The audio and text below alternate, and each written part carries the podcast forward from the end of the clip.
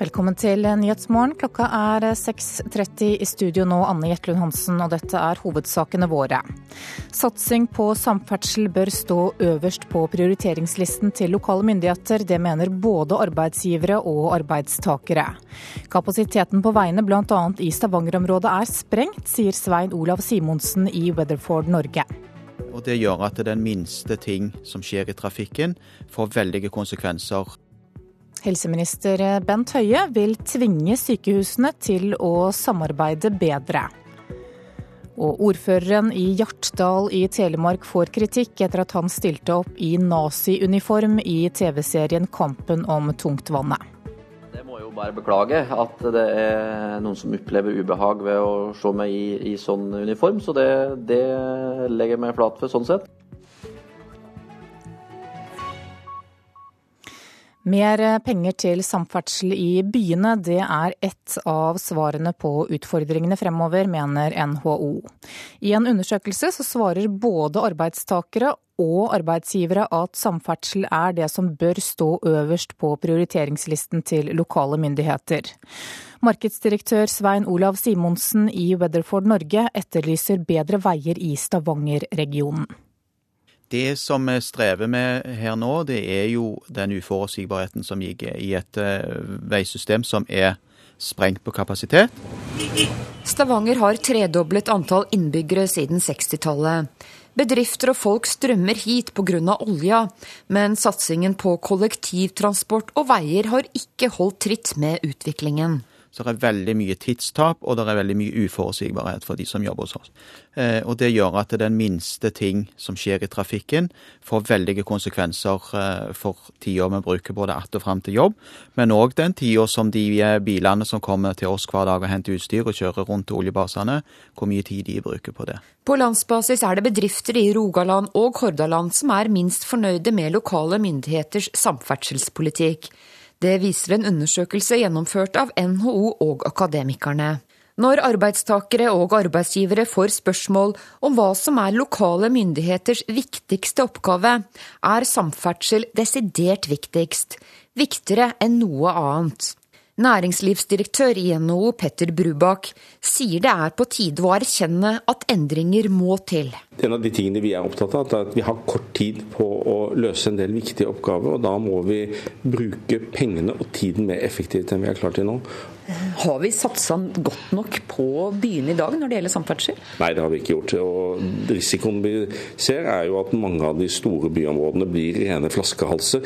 Ikke bare for byområdet i seg selv, men for hele landet. En av NHOs løsninger for fremtiden er at Norge ikke bør ha mer enn 100 kommuner, for også å sikre bedre samferdselspolitikk. Vi, vi må jo bare erkjenne at vi planlegger kanskje for smått og med for mange detaljer, og at vi ikke får ting gjort raskt nok. Hos Weatherford i Stavanger er forutsigbar reisetid noe av det viktigste både for de ansatte og for bedriften. Det er ingen tvil om at kapasiteten på veien eh, rundt Forus og, Stavanger-regionen er sprengt i dag.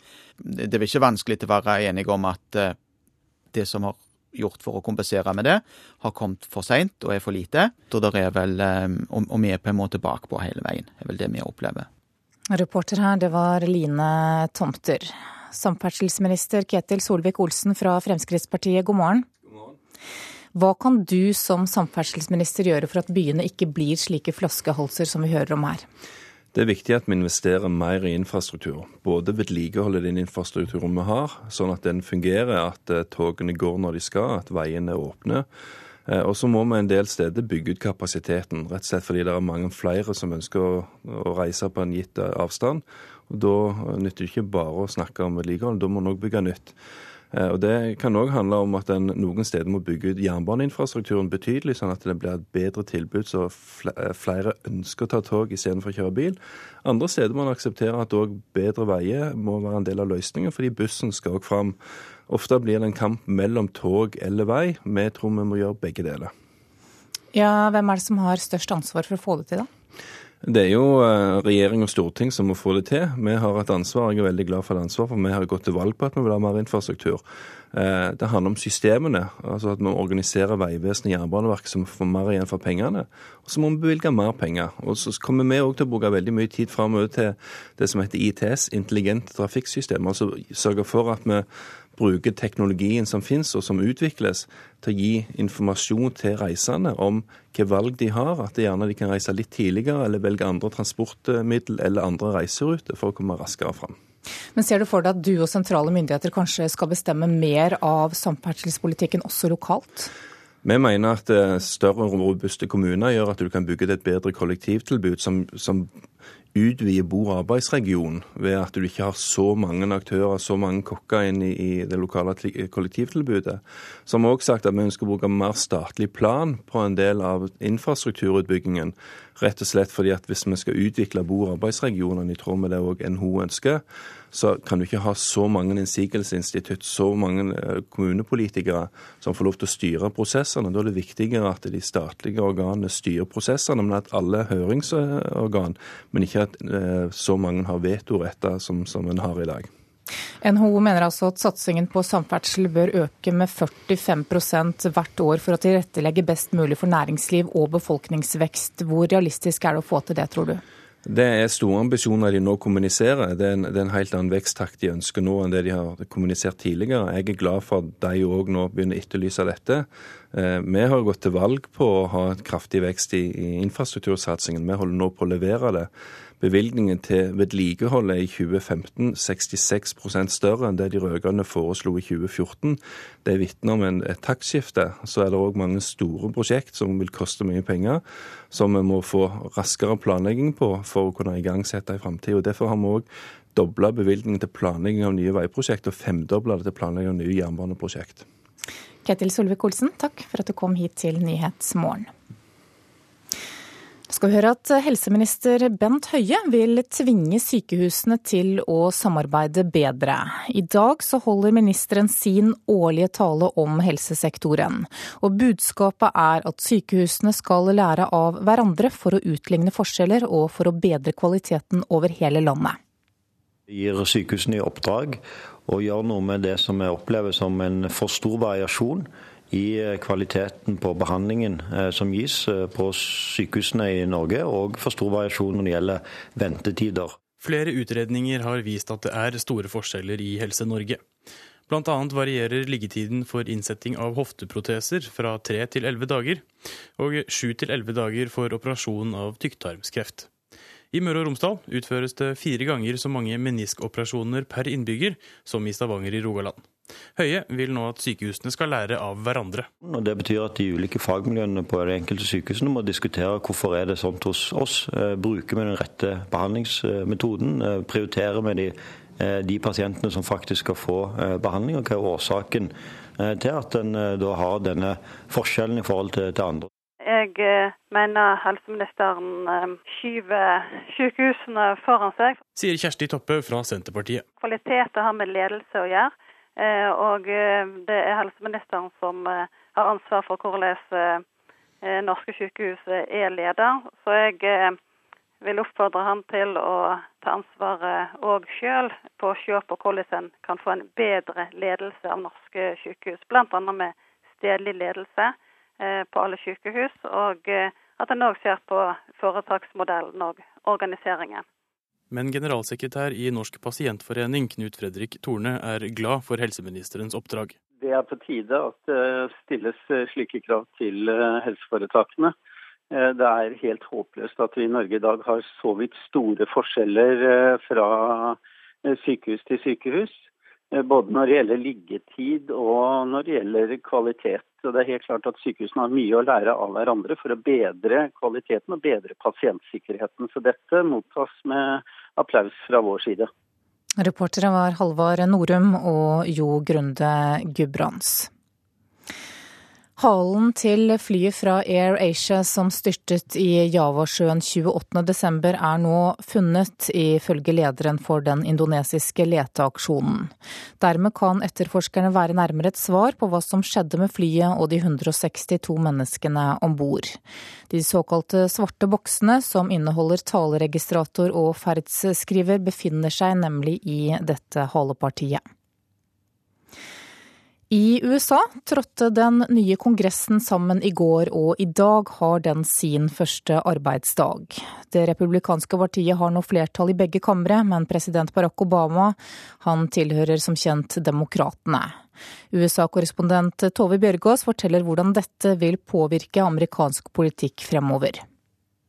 Da er det jo slik at eh, Republikanerne nå har flertall og kan vedta sin politikk i Kongressen, men så kan president Obama legge ned veto mot en del av de forslagene som blir vedtatt eh, oppe på Capitol Hill. Så blir det på en måte en slags stillingskrig, eller det kan bli et samarbeid. For skal både Obama og Kongressen få til noe, så er de på en måte nødt til å samarbeide. Slik er det amerikanske politiske systemet. Republikanerne vil allerede holde den første avstemningen om en kontroversiell oljerørledning. Hva blir de andre store stridstemaene for den nye kongressen? Ja, for å snakke litt om denne Keystone-rørledningen. Først så er det altså en, en, en oljerørledning som skal gå helt fra Canada og ned til Mexicogolfen, som er svært omstridt og som mange miljøvernere har kjempet mot i mange år.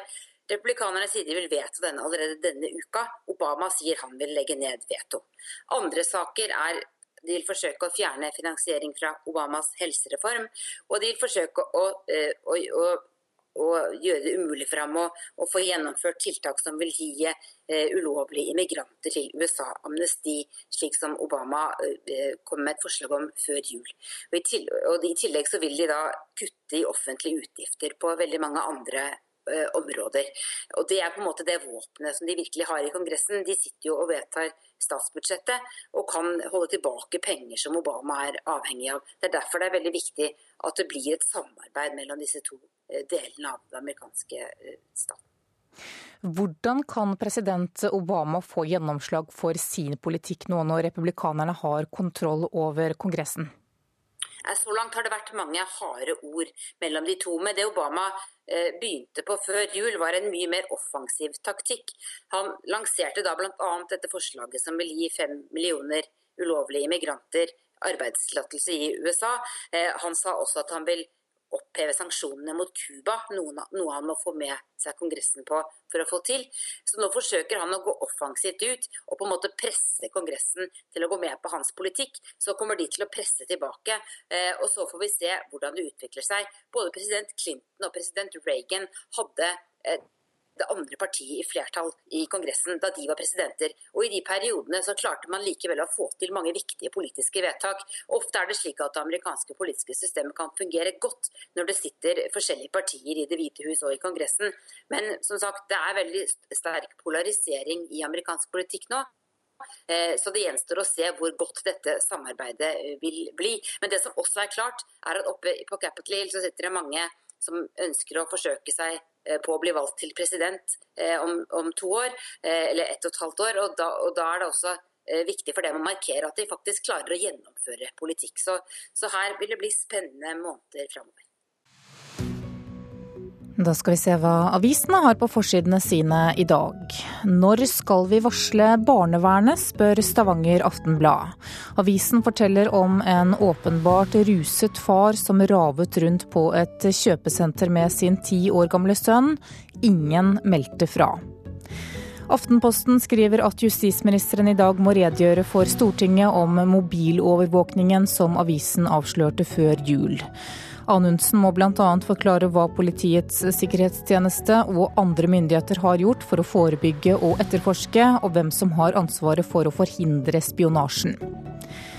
Forsvarsministeren presses i millionskandale, er overskriften i Dagbladet. Forsvarsledelsen har siden juli gransket salget av et norsk kystvaktskip til Afrikas største våpenhandler. Men verken forsvarsledelsen, departementet eller Ine Eriksen Søreide vet hva skipet ble solgt for, ifølge avisen. Dagsavisen forteller at et flertall av Arbeiderpartiets fylkeslag åpner for at partiet kan velge to nestledere under landsmøtet i april. Jette Christensen, Trond Giske og Kjersti Stenseng er de heteste navnene ifølge avisen. Salting av norske veier er redusert med en femdel siden 2011. Foreningen Stopp veisaltingen er fornøyd med en reduksjon i bruken, mens Bjørn Heggedal i Mesta advarer i Nasjonen om konsekvensene dersom vi lar være å salte. Kristen-Norge er opprørt av Erna, skriver Klassekampen. Kjell Magne Bondevik og landets biskoper ber regjeringen droppe planene om å gjøre søndagen til handledag. Bondevik maner nå både kirken og miljøbevegelsen til felles kamp. Vårt Land skriver at uttrykket 'personlig kristen' har fått en ny betydning. I 1987 sa vokalist Morten Harket i a-ha at uttrykket innebærer et aktivt engasjement. 26 år etter så sa vokalist i CC Cowboys Magnus Grønneberg at han, for han så innebærer dette, at, uh, dette med personlig at troen er privat. Professor i religionshistorie Pål Repstad sier at begrepet er problematisk, og at det oftere betyr en religiøs individualisering. Flere av barna til heltene fra Vemork-aksjonen og tungtvannssabotasjen forteller til VG i dag om fedrenes innsats og om hvordan de var som mennesker.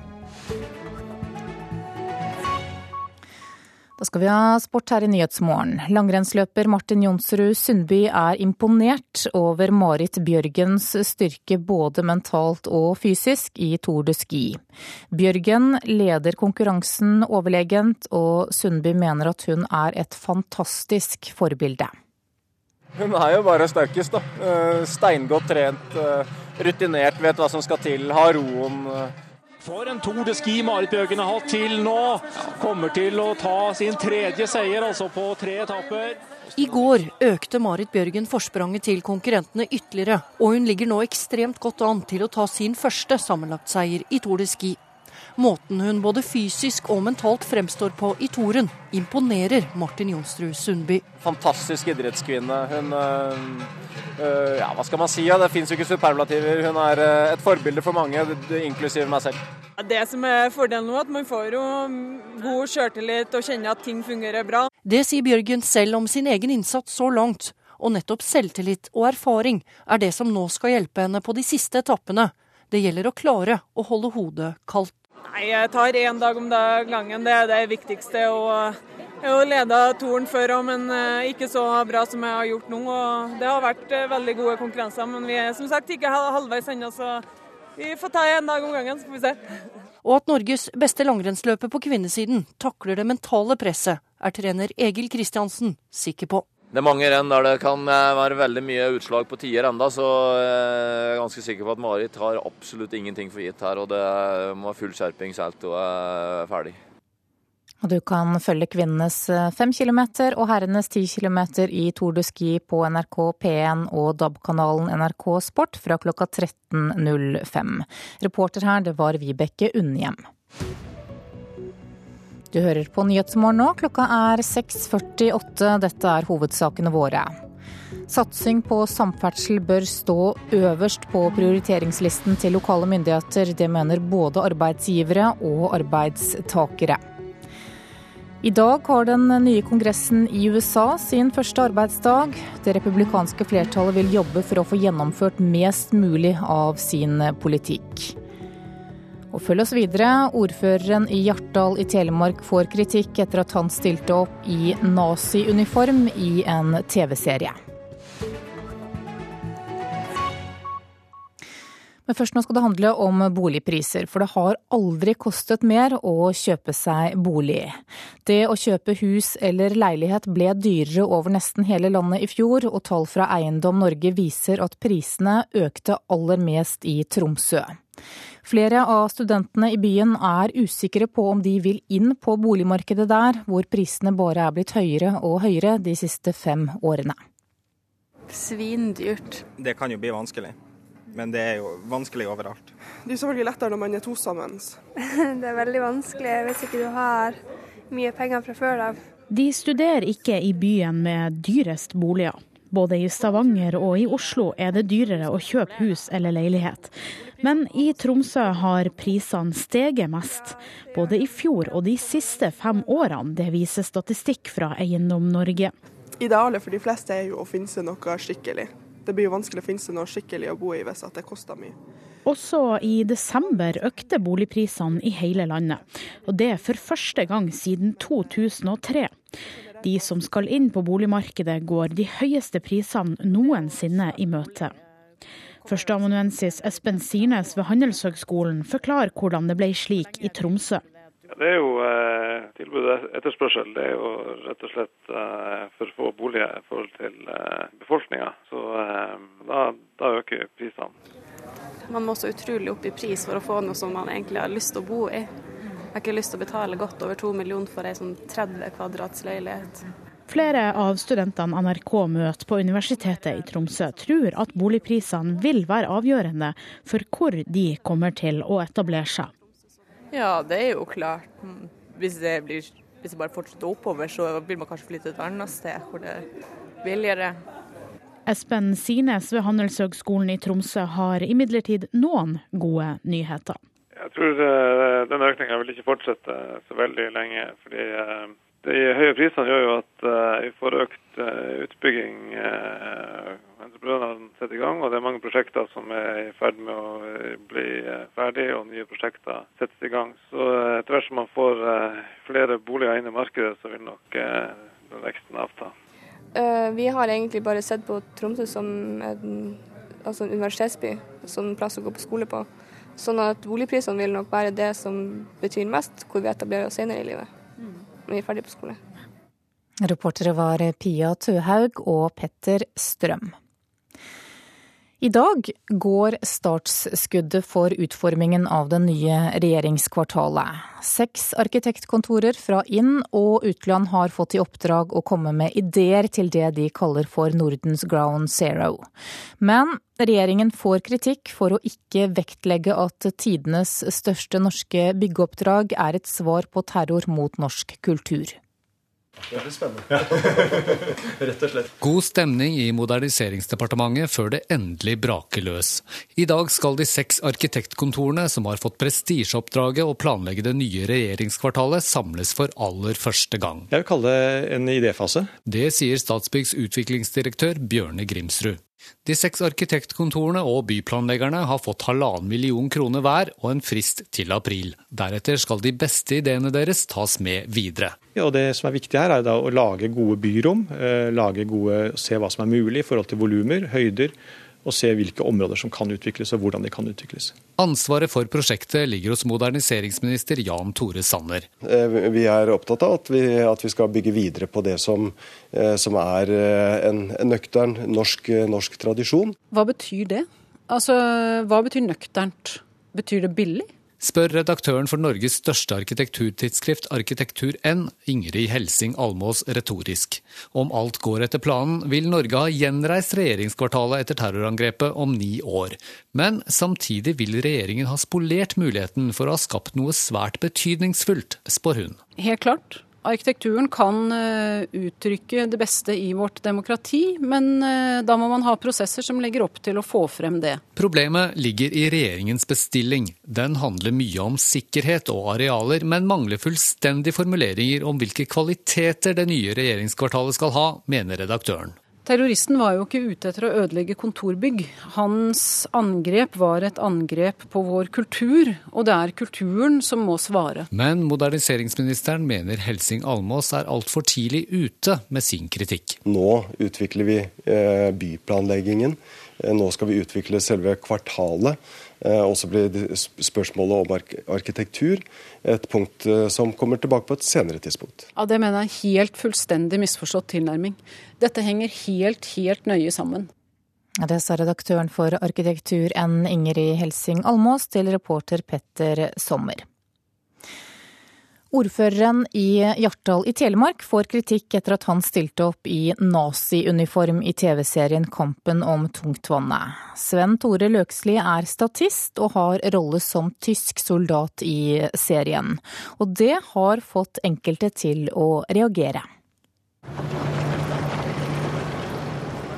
Gjennom vinduet på den mørke bilen kan du se en tysk soldat når direktør Henriksen ankommer Vemork. Velkommen til Vemork, herr direktør. Den tyske soldaten blir spilt av statist og ordfører i Hjartdal, Sven Tore Løksli. Det har fått flere til å reagere. Arbeiderpartiet i Telemark har fått et anonymt brev hvor det stilles spørsmålstegn ved hvorfor ordføreren har påtatt seg rollen som tysk soldat. I brevet går det frem at flere i lokalmiljøet har reagert, bl.a. fordi flere i kommunen ble drept av tyske soldater. Han burde valgt en annen rolle, eller takket nei til denne rollen, går det frem av brevet. Ordføreren syns det er leit at folk føler seg støtt. Det må jeg jo bare beklage, at det er noen som opplever ubehag ved å se, en, se meg i, i, sånn uniform. Så det, det, legger jeg meg flat for sånn sett. Samtidig så, så har ikke det her noen ting med min oppfattelse eller min uh, vurdering av verken uh, historien eller nazismen, men uh, det er jo en film, det er en, film, en historiefortelling. Burde du ha takka nei til å stille i naziuniform? Hvis jeg kunne velge, så hadde jeg kanskje gjort det. Men vi ble jo bare plukka ut å ta ei, ei, rolle. Det var noen som statister som skulle ha dem og dem definerte oppgavene, og, og vi var, ble satt på det settet. Så hvis en kunne velge, så kunne, skulle jeg kanskje tatt en annen rolle. Men det var den, den uh, rolla jeg ble tildelt, og da, da tok jeg jo den, uh, lyder som det var. Men uh, hvis jeg kunne velge, så hadde jeg nok kanskje gjort det. Det er litt sånn, ja, kanskje å dra det litt langt og reagere så sterkt, men, men det må en òg akseptere. og synes, eh, jeg har ingenting med, med min holdning eller, eh, eller forhold til, til, krigen.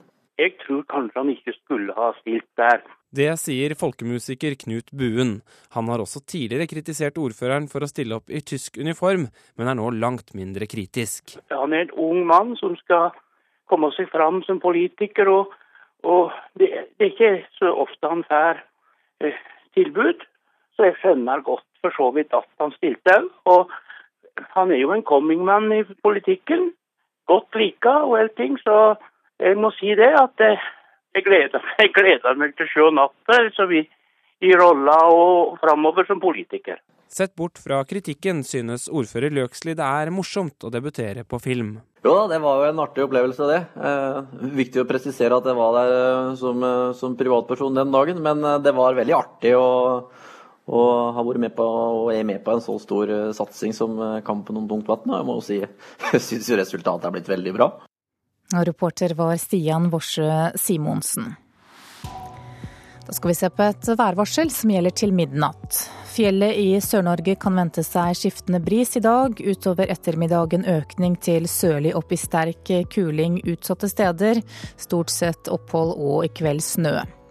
Østlandet og Telemark skiftende bris på kysten sør-vestlig. Først på dagen sludd eller snø øst for Oslo, ellers opphold. I kveld sørlig opp i stiv kuling på kysten. Regn, sludd og snø i høyden.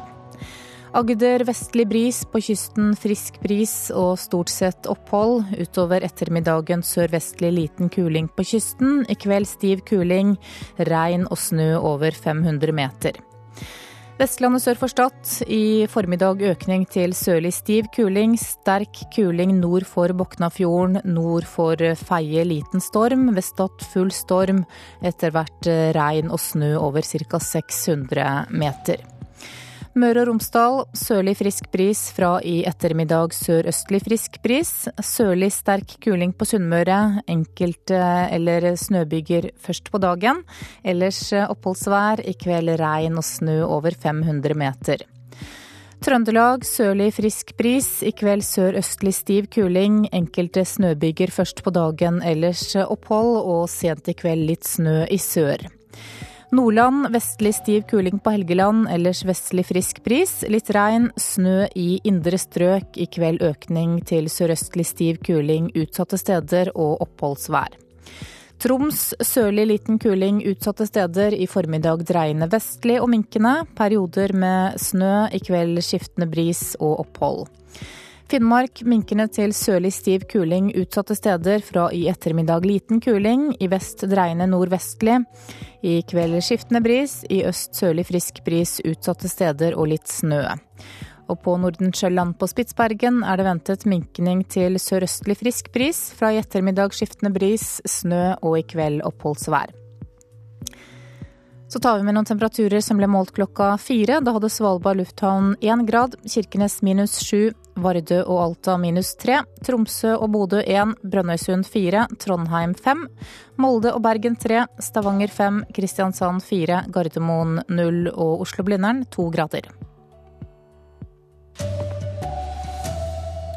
Regjeringens sikkerhetsvakter vil ha batonger og pepperspray til selvforsvar. Og samferdselsministeren er enig i at byene trenger mer penger til samferdsel. Her er NRK Dagsnytt klokka sju. Vaktene som beskytter regjeringskvartalet og statsministerboligen, ber om å få bruke pepperspray og batonger til selvforsvar. Det er Departementenes sikkerhets- og serviceorganisasjon, DSS, som ber om dette. Årsaken er at de frykter terror. Kommunal- og moderniseringsminister Jan Tore Sanner sier at han nå vurderer henvendelsen. Vi har eh, fått eh, en henvendelse fra eh, DSS hvor de bl.a. tar opp spørsmålet om å kunne ha pepperspray og batonger til selvforsvar. Og også mulighet til å kunne bortvise biler. Og Det er en henvendelse vi har nå til vurdering. Skjønner du at denne henstillingen kommer nå? Det er kommet en, en henstilling eller en vurdering, et ønske om en vurdering fra, fra vår side, og den, den vurderingen foretar vi sa Jan Tore Sanner, reporter Hans Jørgen Solli. Det må settes av mer penger til samferdsel i byene, det mener NHO. I en undersøkelse svarer både arbeidstakere og arbeidsgivere at samferdsel er det som bør stå aller øverst på prioriteringslista til lokale myndigheter. Og samferdselsminister Ketil Solvik-Olsen fra Fremskrittspartiet er ikke uenig. Det er viktig at vi investerer mer i infrastruktur. Både vedlikeholde den infrastrukturen vi har, sånn at den fungerer, at eh, togene går når de skal, at veiene er åpne. Eh, og så må vi en del steder bygge ut kapasiteten, rett og slett fordi det er mange flere som ønsker å, reise på en gitt avstand. Og Da nytter det ikke bare å snakke om vedlikehold, da må en òg bygge nytt. Eh, og Det kan òg handle om at en noen steder må bygge ut jernbaneinfrastrukturen betydelig, sånn at det blir et bedre tilbud så eh, flere ønsker å ta tog istedenfor å kjøre bil. Andre steder må en akseptere at òg bedre veier må være en del av løsningen, fordi bussen skal òg fram. Ofte blir det en kamp mellom tog eller vei. Vi tror vi må gjøre begge deler. I neste uke kommer helse- og omsorgsminister Bent Høie med et nasjonalt helseatlas som skal vise pasientene forskjellene i behandlingen ved de ulike sykehusene. Høie holder i dag sin årlige sykehustale, og variasjon i helsetilbudet blir et sentralt tema. Ifølge Dagens Næringsliv vil man i atlaset finne sammenlignende data for 27 ulike diagnoser. Halen til Air Asia-flyet som styrtet i Javasjøen 28.12 er funnet, ifølge lederen for den indonesiske leteaksjonen. Dermed kan etterforskerne av flystyrten være nærmere et svar på hva som skjedde med flyet og de 162 menneskene om bord. Det var NRK Dagsnytt, i studio Arild Svalbjørg. Klokka er 7.03. Nyhetsmorgen fortsetter med disse sakene. Den siste trusselvurderingen gjør at vaktene rundt regjeringen også ber om å få våpen til å forsvare seg med. 70 000 kan miste retten til å kjøre bil når flere medisiner nå blir ulovlig å kombinere med det å være sjåfør.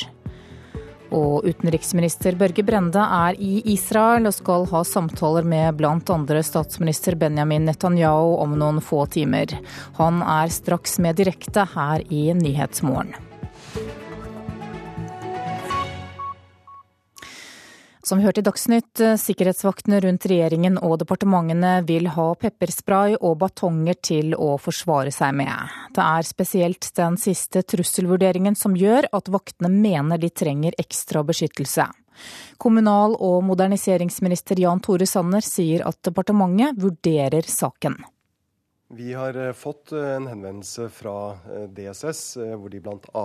tar opp spørsmålet Eh, om å kunne ha pepperspray eh, og batonger til selvforsvar. Eh, og også mulighet til å kunne bortvise biler. og Det er en henvendelse vi har nå til vurdering. IS-talsmannen Abu Muhammad al-Adnan hisser til angrep på politiet og sikkerhets- og etterretningstjenestene i vestlige land. Denne trusselen fra september i fjor førte til økt terrorberedskap i Norge. Og PST-sjef Benedikte Bjørnland sa bl.a.: Risikoen kan reduseres hvis man iverksetter gode sårbarhetsregulerende tiltak. Etter dette er norsk politi blitt midlertidig bevæpnet, og nå vil også de som beskytter departementene og statsministerboligen bevæpne seg med pepperspray og batonger. Det står i et brev som Departementenes sikkerhets- og serviceorganisasjon, DSS, har sendt til Jan Tore Sanners departement. Her ber de om å få bruke disse maktmidlene til selvforsvar. Om bakgrunnen skriver de at jobben deres er å beskytte symboltunge bygg som står i fare for å bli et terrormål. De skriver også at de bærer riksvåpenet på sine uniformer, som har et tydelig autoritært preg.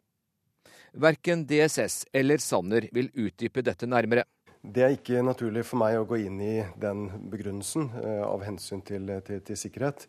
Men det jeg vil understreke, det er at det både er og skal være trygt både å arbeide og besøke regjeringskvartalet. Vi har hatt en egen ekspertgruppe som har vurdert eh, skjermingstiltak. Eh, de følges opp, og de er fulgt opp. Sier du nå at de tiltakene som er gjort, egentlig er nok, eller hvordan vurderer du den henstillingen som har kommet? Det er eh, fageksperter eh, som vurderer hva som er nok og hva som er nødvendig. Eh, vi har fulgt opp og følger opp de forslagene som kommer. Det handler om skjermingstiltak, slik at det ikke er lenger er mulig å kjøre bil foran regjeringsbygget. Det handler om, om, sluser, og det handler om andre sikringstiltak. Det skal være trygt både å jobbe her og besøke regjeringskvartalet. Skjønner du at denne henstillingen kommer nå?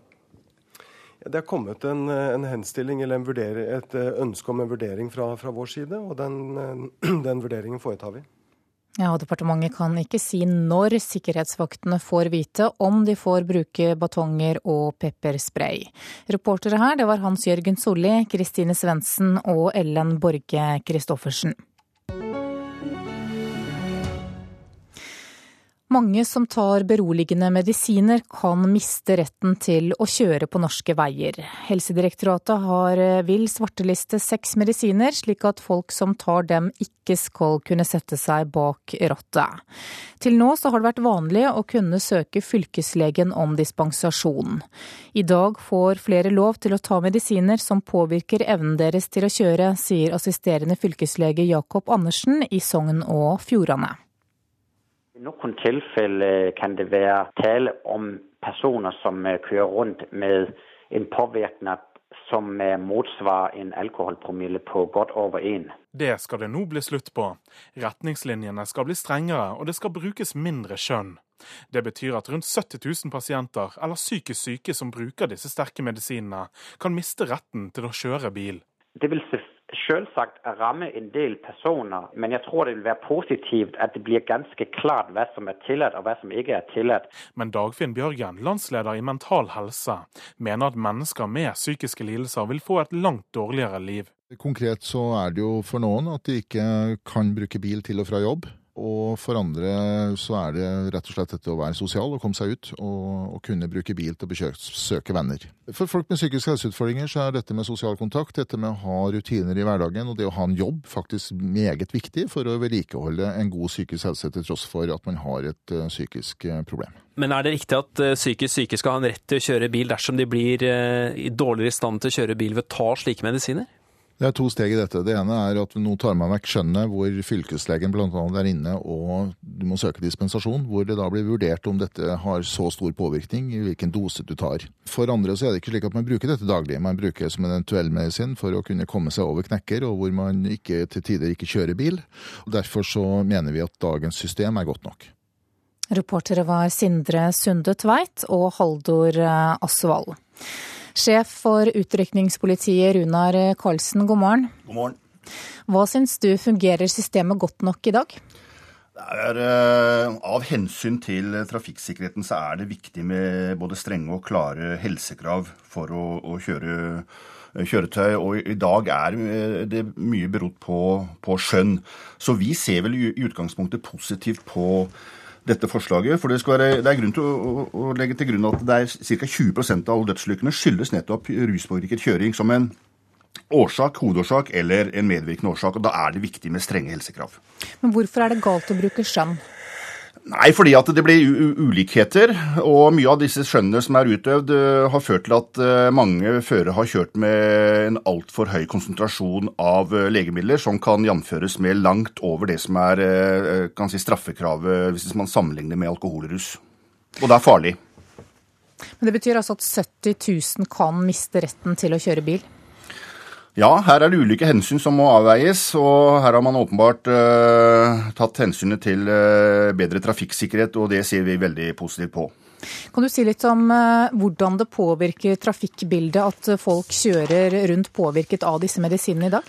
Ja, Det gir jo forskjellige utslag, litt avhengig av hvilke medisiner man kjører med. Men det, det er typiske er jo nedsatt reaksjonsevne. Man reagerer altfor seint, og, og, det kan være viktige sekunder slik at en alvorlig ulykke skjer. Eller det kan være betydelig nedsatt eh, konsentrasjonsevne.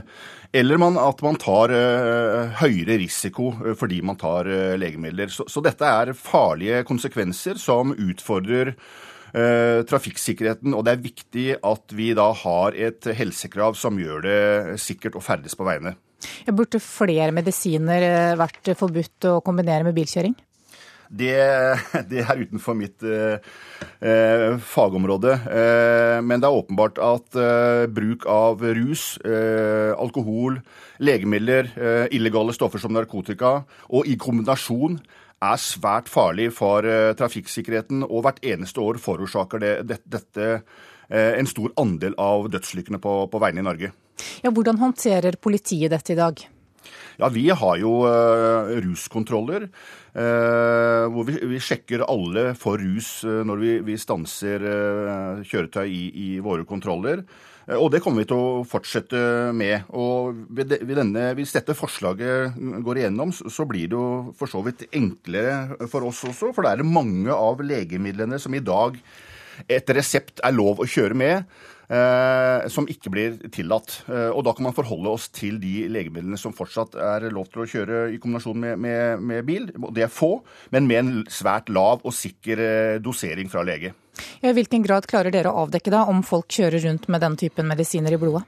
Nei, Vi gjør observasjoner, kvalifiserte observasjoner gjennom opplært metodebruk. Uh, og så uh, har man en, uh, en, grunn til å tro at det er ruspåvirkning, og en mistanke, så bærer det til blodprøvetaking. Og da får man selvfølgelig avdekket om det er stoffer i blodet som er uforenlige med helsekravet, som man ikke kan kombinere med å kjøre bil. Sjef for utrykningspolitiet Runar Karlsen, takk for at du var med her i Nyhetsmorgen. I dag besøker utenriksminister Børge Brende Israel og Vestbredden. Og hensikten er å ha samtaler med de politiske lederne i eh, området. Brende, du er med oss direkte nå fra Tel Aviv, og om noen få timer skal du snakke med Israels statsminister Benjamin Netanyahu. Hvilke saker vil du ta opp med ham? Det er viktig at man gjenopptar eh, forhandlingene om en tostatsløsning. Israel sitter med en nøkkel der. Eh, det er òg viktig at man nå får inn den hjelpa som trengs for å gjenoppbygge Gaza. Eh, det er fremskritt, men det går mye tregere enn man hadde håpt. Og så er det Israels rolle nå eh, i det brede bildet i Midtøsten. Dette er jo spørsmål som jeg vil selvsagt ta opp med president Abbas i Ramallah på Vestbredden i ettermiddag. Norge leder nå giverlandsgruppen for Palestina. Hva vil du kreve av Israel med tanke på gjenoppbygging av Gaza etter krigen i sommer?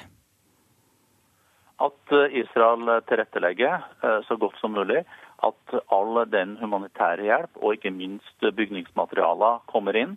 Slik at eh, innbyggerne i Gaza kan komme i gang med både gjenoppbygging og normalisering. I tillegg så vil jeg jo ta opp med Eh, statsminister Netanyahu dette spørsmålet om tilbakeholdelse av eh, skatter som eh, man har bestemt seg for. Dette går jo til selvstyremyndighetene på Vestbredden. Det er jo Israels tilsvar til palestinerne etter at de valgte å slutte seg til disse ulike Roma-traktatene. Det synes jeg ikke er noe god løsning. Det vil svekke selvstyremyndighetene, og det er sivilbefolkninga som vil bli ramma av det. I kveld skal du også møte palestinernes president Mahmoud Abbas. Hva vil du legge vekt på i samtalene med ham?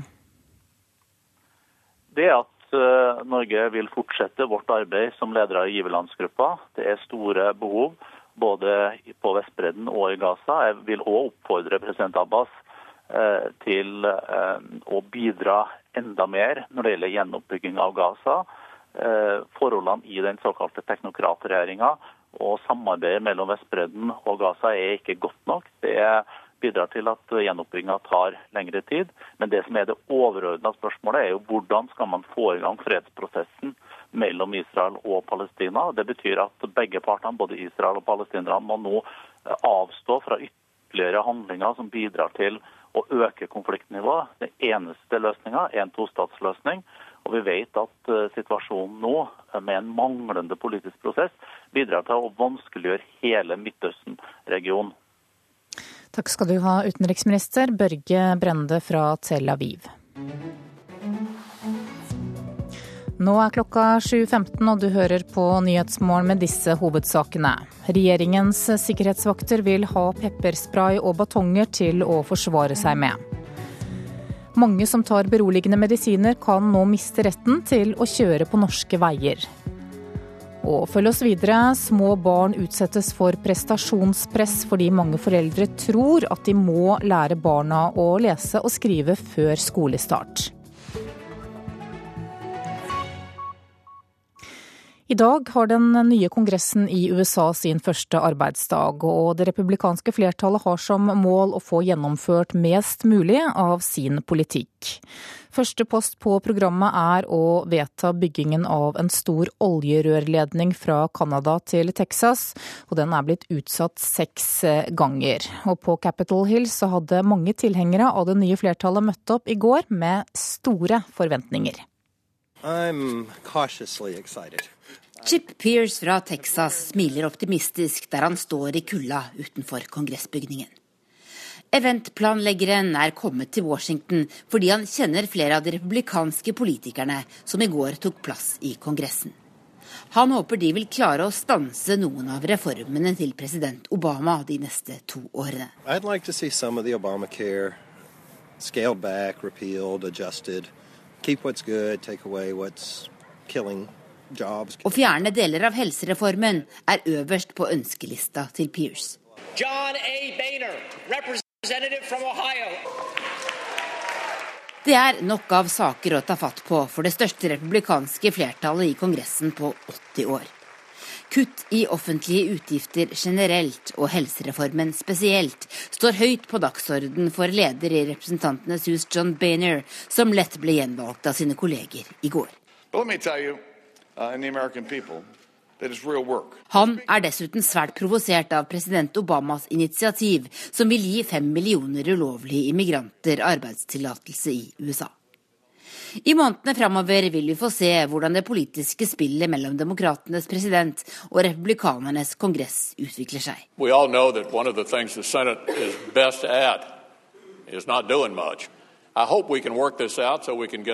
Senatet er dessverre blitt kjent for ikke å gjøre så mye. Det håper jeg å forandre på, sier den nye majoritetslederen der, Mitch McConnell. Allerede denne uka planlegger han å få vedtatt én stor sak. En nesten 300 mil lang oljerørledning fra det vestlige Canada til Mexicogolfen, som er blitt utsatt av demokratene etter press fra miljøvernere mange ganger. President Obama lovet imidlertid i går å legge ned veto mot et slikt vedtak. Obama gikk offensivt ut i forhold til immigrasjon og Cuba før jul. I løpet av de neste ukene og månedene vil det vise seg om republikanerne og presidenten vil klare å samarbeide, eller i alle fall hestehandle seg fram til faktisk politikk. For det er slik hestehandling det politiske systemet i USA er konstruert for, forklarer Chip Pierce fra Texas. The whole system is designed to protect what we have, so it's hard to make changes. Det var USA-korrespondent Tove Bjørgaas som hadde laget denne reportasjen. Da skal vi videre til Storbritannia, for Tysklands forbundskansler Angela Merkel besøker i dag sin britiske kollega David Cameron i London. De to skal annet diskutere EU-spørsmål og begynne forberedelsene til sommerens G7-toppmøte. Og Storbritannia-korrespondent Espen Aas, hva er ventet at vil komme ut av dette møtet i dag? Ja, det de fleste er mest spent på her, i tillegg til at disse store internasjonale sakene blir diskutert, slik de, de du nevnte, samt Ukraina, terror og ebola, så er jo den store elefanten i rommet Storbritannias forhold til EU og Merkel og Camerons eh, noe forskjellige syn på hvordan unionen skal eh, virke.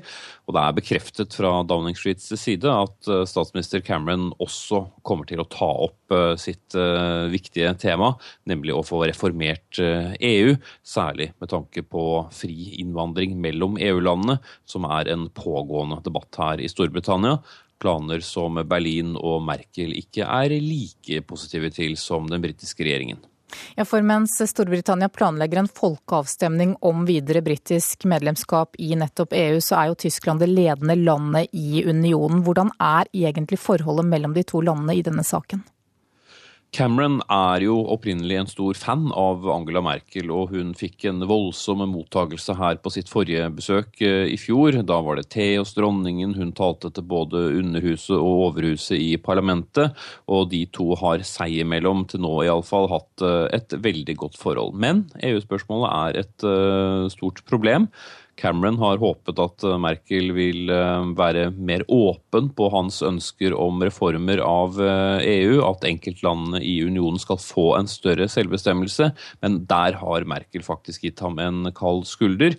Skulle Storbritannia få viljen sin om EU, så føler hun og eh, tyskerne at veldig mye av grunnlaget for hele unionen eh, vil eh, forsvinne. Sånn at her er det veldig eh, forskjellige syn på, på, fremtiden. Og Cameron og flere av hans partifeller forsøker nå i, i tiden fremover å overtale andre land til å bli enige med seg, men foreløpig har ikke den listen eh, over støttespillere blitt så veldig lang.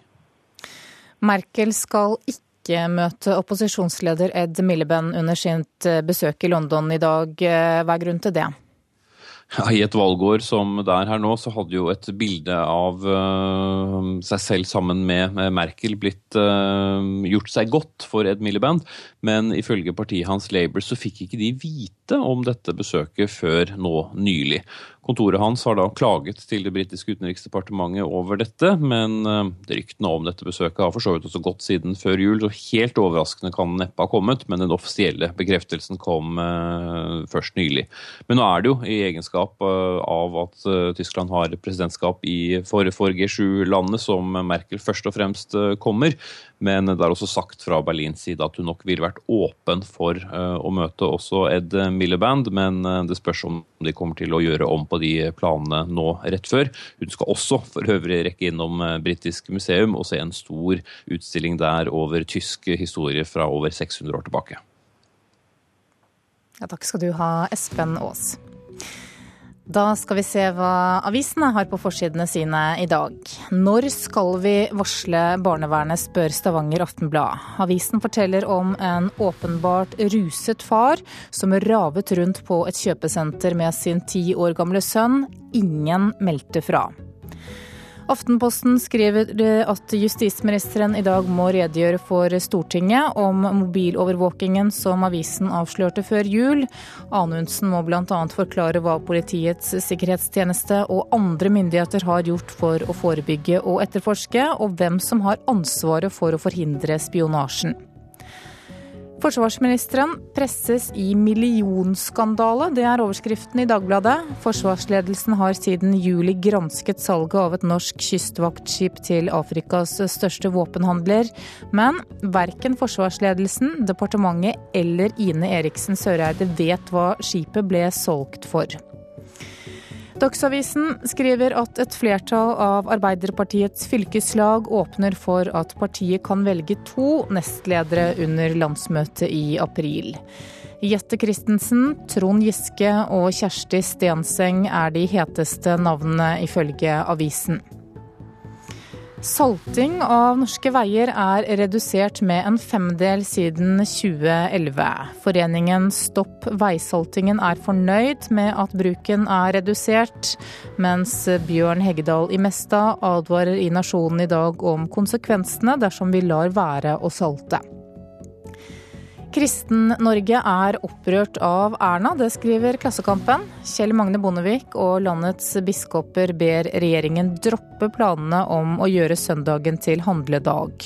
Og Bondevik maner både kirken, fagbevegelsen og miljøbevegelsen til felles kamp. Vårt Land skriver at uttrykket 'personlig kristen' har fått en ny betydning. I 1987 sa vokalist Morten Harket i a-ha at uttrykket innebærer et eh, aktivt engasjement, men 26 år etter så sa vokalist i CC Cowboys Magnus Grønneberg at for han så innebærer uttrykket 'personlig' at troen er privat. Professor i religionshistorie Pål Repstad sier at begrepet er problematisk, og at det oftere betyr en religiøs individualisering. Flere av barna til heltene fra Vemork-aksjonen forteller til VG i dag om fedrenes innsats og om hvordan de var som mennesker. Mens oljeprisen er tema i Dagens Næringsliv i dag. Professor Jeffrey Sachs tror at prisen vil doble seg igjen etter 2015. Barn utsettes for unødvendig prestasjonspress når foreldrene tror at de må lære barna å lese og skrive før skolestart. Mammablogger og norsklærer Karianne Gamken mener reklamer rettet mot småbarnsforeldre skaper en falsk forventning om hva barn skal kunne før de begynner på skolen tror det er mange som tenker på det i det siste året før barna begynner på skolen. Eh, og det er jo en periode hvor eh, man eh, som forelder også har store forventninger. Hvordan vil barnet klare seg på skolen? Er, hvor modent er mitt barn, hvor er det utviklingsmessig i forhold til andre barn? Karianne Gamkin står bak bloggen mammadamen.no. Som småbarnsmor er tematikken kjent. Småbarnsforeldre pepres med reklame, ofte fra bokklubber med et klart budskap. Lær barnet ditt å lese før skolestart. Det gir store fordeler. Barn som har et godt ordforråd og er glad i å lese, har et supert utgangspunkt ved skolestart. Når man eh, på en måte får en sånn type reklame som eh, sier eh, lær barnet ditt å lese før du begynner på skolen, så, så føles jo det klart Eh, som et press. Og det vet jo selvfølgelig de som har lagd denne reklamen også. Ingunn Størksen er professor i pedagogisk psykologi ved Universitetet i Stavanger og leder det såkalte Agder-prosjektet. Der skal forskere samarbeide med barnehagelærere om å lage lekbaserte læringsaktiviteter for førskolebarn. Størksen legger vekt på at læring skal komme der barnet selv er motivert. For barn er det viktigste å oppleve at foreldre er glad i dem uansett. De aller fleste foreldre ønsker jo å stimulere barna sine for eh, kognitiv utvikling og generell utvikling, men, men det går jo en grense. altså Unger skal jo ikke oppleve at dette er noe press. Størksen mener foreldrene selv må bruke sunn fornuft i møte med barnet og ikke la seg styre av press utenfra. Kanskje vi skulle slappe litt mer av og ta litt mer tid til å være sammen istedenfor å gjøre så mange aktiviteter. Og det er mye stimulering å være sammen i hverdagsaktiviteter òg, som, som, det å handle eller lage mat i sammen. Så veier man og måler og benevner ting og snakker sammen. Det, det er mye stimulering i det, og man trenger ikke masse dyrt utstyr eller materiell. Godboken er en av aktørene som oppfordrer foreldrene å lære barn å lese før skolestart. Fagansvarlig Kit Sandvik mener det ikke er ment som press. De fleste land nå blir veldig oppmerksomme på viktigheten av eh, de første fem årene i forhold til at det kan også utjevne veldig mye forskjeller blant de såkalt vellykka, velutdanna foreldrene og de som ikke har samme tilgang på utdannelse eller har hatt det. Men i denne reklamen så står det 'lær barnet ditt å lese før skolestart', blant annet. Mm. Spiller mm. dere bevisst på foreldres usikkerhet for at barnet ikke skal bli en eh, vinner eller eh, ressurssterk eh, i denne markedsføringa? Nei, men jeg tror det er veldig mange, for, mange foreldre som lurer på hva de skal gjøre med barn som faktisk har lyst til å lære å lese. Ingunn Størksen mener alt kan løses på en enkel måte. Gi barna trygghet på at de er bra nok akkurat sånn som de er, og stimuler med en måte. Ha det kjekt sammen. Da lærer barn. Reporter her var Liv Eva Welhaven Løken. Du lytter til Nyhetsmorgen. Klokka nærmer seg 7.30 og Dagsnytt. Produsent for Nyhetsmorgen i dag er Eli Bjelland, og her i studio Anne Jetlund Hansen.